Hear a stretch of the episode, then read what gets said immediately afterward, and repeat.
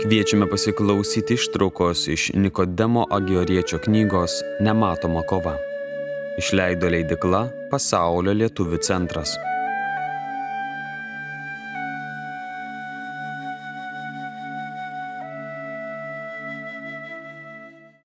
Po to, kai žmogus nupuolė į tokią būseną, kas žino į kokias aistras, į kokį nedorovingumą, ir į kokius klystkelius jį nuvedė vaizdingos svajonės. Mokymas apie moralę buvo pripildytas įvairių pataikavimų, fizika daugybės melagingų mokymų, teologija nereikalingų ir netikusių teiginių bei pasakų. Ir ne tik senieji, bet ir šių laikų mąstytojai, norėdami pasipuikuoti išmintimi ir kalbėti apie dieviškus, paprastus, ir vaizduoti nepasiekiamus slėpinius, o juk šiame darbe turi darbuotis aukščiausia sielos gale - protas. Pradėję šį darbą, bet neišlaisvinę proto iš aistringų vaizdinių, kuriuos sukelia jūsliniai dalykai, vietoj tiesos atranda melą. Baisiausia, kad tą melą jie priima giliai į širdį bei sielą ir laiko tiesa atspindinčią tikrovę. Rezultatas toks. Vietoj teologų atsirado pasakininkai, apie kuriuos apaštalas sako.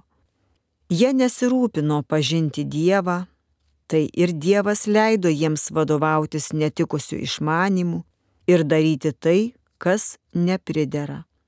Taigi, mano broli, jei nori kovoti su aistromis, išvengti velnio pinklių ir trokšti vienybę su Dievu, gauti daugiau dieviško šviesos ir tiesos, turi drąsiai stoti į kovą su savo vaizduotė ir kovoti su jie visomis išgalėmis, įdant protas būtų išlaisvintas iš visokių formų, spalvų, apibūdinimų ir apskritai visų vaizdinių bei prisiminimų, blogų ir gerų. Minėta būsena yra tyro šviesaus proto aptemimas, atbukimas, ir jo atidavimas aistroms. Beveik nei viena sielos ir kūno aistra negali pasiekti proto, nepasitelkdama jūslinių dalykų atkūrimo vaizduotėje.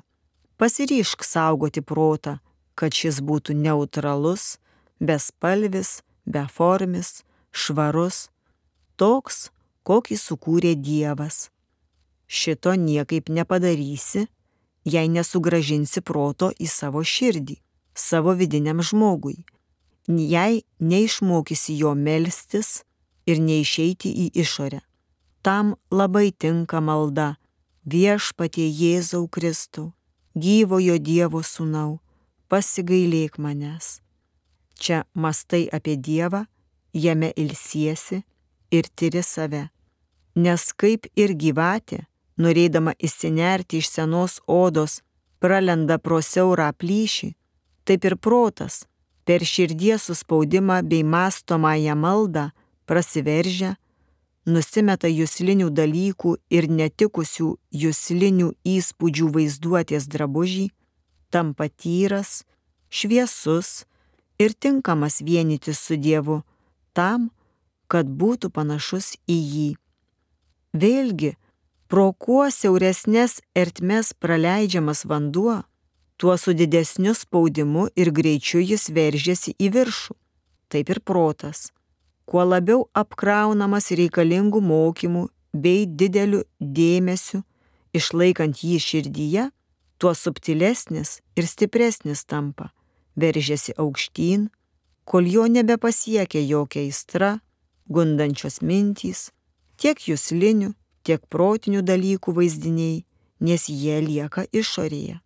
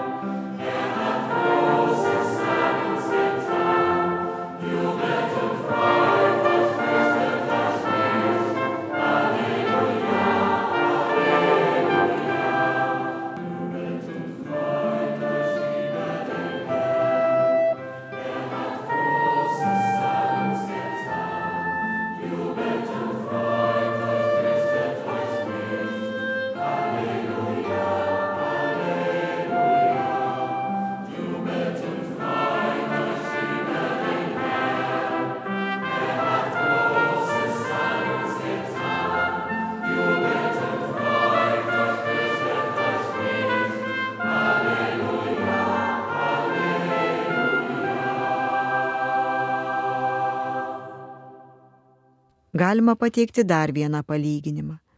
Saulės spinduliai, įsisklaidę ore, nėra tokie šviesus ir karšti, kokie būna, kai sutelkiami į vieną vietą. Pavyzdžiui, panaudojant tam tikrus stiklus. Šviesa tampa akinanti ir deginanti, ji geba įžiepti liepsną, lygiai taip pat ir protas. Jei yra sutelktas širdyje slėpiningų mokymų ir dėmesių, tampa šviesą nešančių, deginančių materijos tamsą ir visus panašius vaizdinius. Tai pirmas ir svarbiausias būdas, kaip suvaldyti vaizduotę ir atmintį, kuriuos tu mano numylėtasai turi nuolatos prižiūrėti. Juo ne tik atkursi šias sielos galės, bet ir išdildysi visus anksčiau priimtus jūslinių dalykų vaizdinius bei prisiminimus, sukeliančius ir maitinančius aistras. Tačiau kuo naudingesnis ir vaisingesnis šis būdas, tuo jis sunkesnis. Ir vis mažiau tikinčiųjų jį renkasi, vis mažiau pasitikė jo gale. Ir ne vien pasauliečiai kratosi šio būdo, bet netgi dvasininkai bei išminčiai, kurie nenori patikėti šventosios dvasios ir šventųjų tėvų mokymų, nurodančių šį būdą knygoje gėrio meilė. Ir taip praranda dvasinius vaisius, kuriuos teisėtai gauna kai kurie nemokyti ir net neraštingi žmonės. Neveltui viešpats sako, aš šlovinu tave tėvę, dangaus ir žemės viešpatie, kad paslėpiai tai nuo išmintingųjų ir gudriųjų, o apreiškiai mažutėlėms. Tasai, kuris netiki šio protingo užsiemimo jėga ir jo nesijima, tiesiog negali suprasti, koks jis naudingas. Tik tvirtai tikėdami, tvirtai stovėsite, sako Izaijas. Kai pamatysi, kad tavasis protas vargsta, nebepajėgia išbūti širdyje ir melstis mastomąją maldą, tuomet panaudok ir kitą būdą. Leisk protui išeiti į išorę ir ten patekti į dieviškų bei dvasinių apmąstymų bei kontempliacijos erdvę. Būtent tokią, kokią gali suteikti šventasis raštas ar Dievo kūrinyje. Dvasingi apmąstymai, nematerialūs ir subtilūs, būdami giminingi protui, neatbukina, neaptukina jo ir nepalieka išorėje, o atvirkščiai, iki soties patenkinę proto alkį, leidžia laisvai judėti savo aplinkoje, savo turiniu paragina protą vėl grįžti į širdį, susijungti su Dievu pasineriant į mastomąją atmintį apie Dievą. Palaimintasis Maksimas sako, kad vien darbas negali padaryti proto be aistrio, jei tuo pat metu nebus pasineriama į dvasinę kontempliaciją. Kol esi valdomas aistrų, nesutelk ilgėliau dėmesio į Dievo kūrinius, į materialius dalykus ir gyvius, vertindamas tik jų išorę, nes tokiu atveju dar nuo aistringo vertinimo nelaisvas protas, užuot atsitraukęs nuo jų, paniręs į dvasinius ir nematerialius apmąstymus, sustos prie išorinio jų grožio bei regimybės, pradės ją mėgautis ir negebėdamas išvelgti vidaus, gali būti, pasiduos apgaulingam jų suvokimui ir to aistringai laikysis. Anot šventojo Maksimo juk Nuo šito nukentėjo tiek daug filosofų, naturalistų. Dar gali panaudoti trečią būdą protui pailsinti. Būtent apmastyti viešpaties gyvenimo ir kančios slėpinius.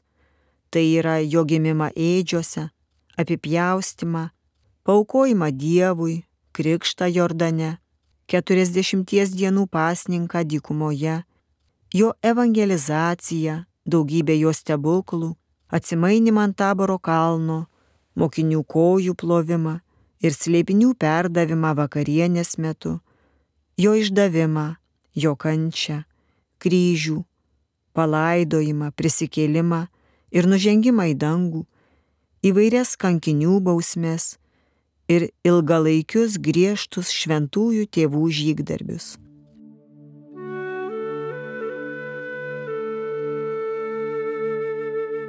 Girdėjome ištrauką iš Nikodemo Agioriečio knygos Nematoma kova. Knygą išleido leidikla Pasaulio lietuvių centras 2023 metais.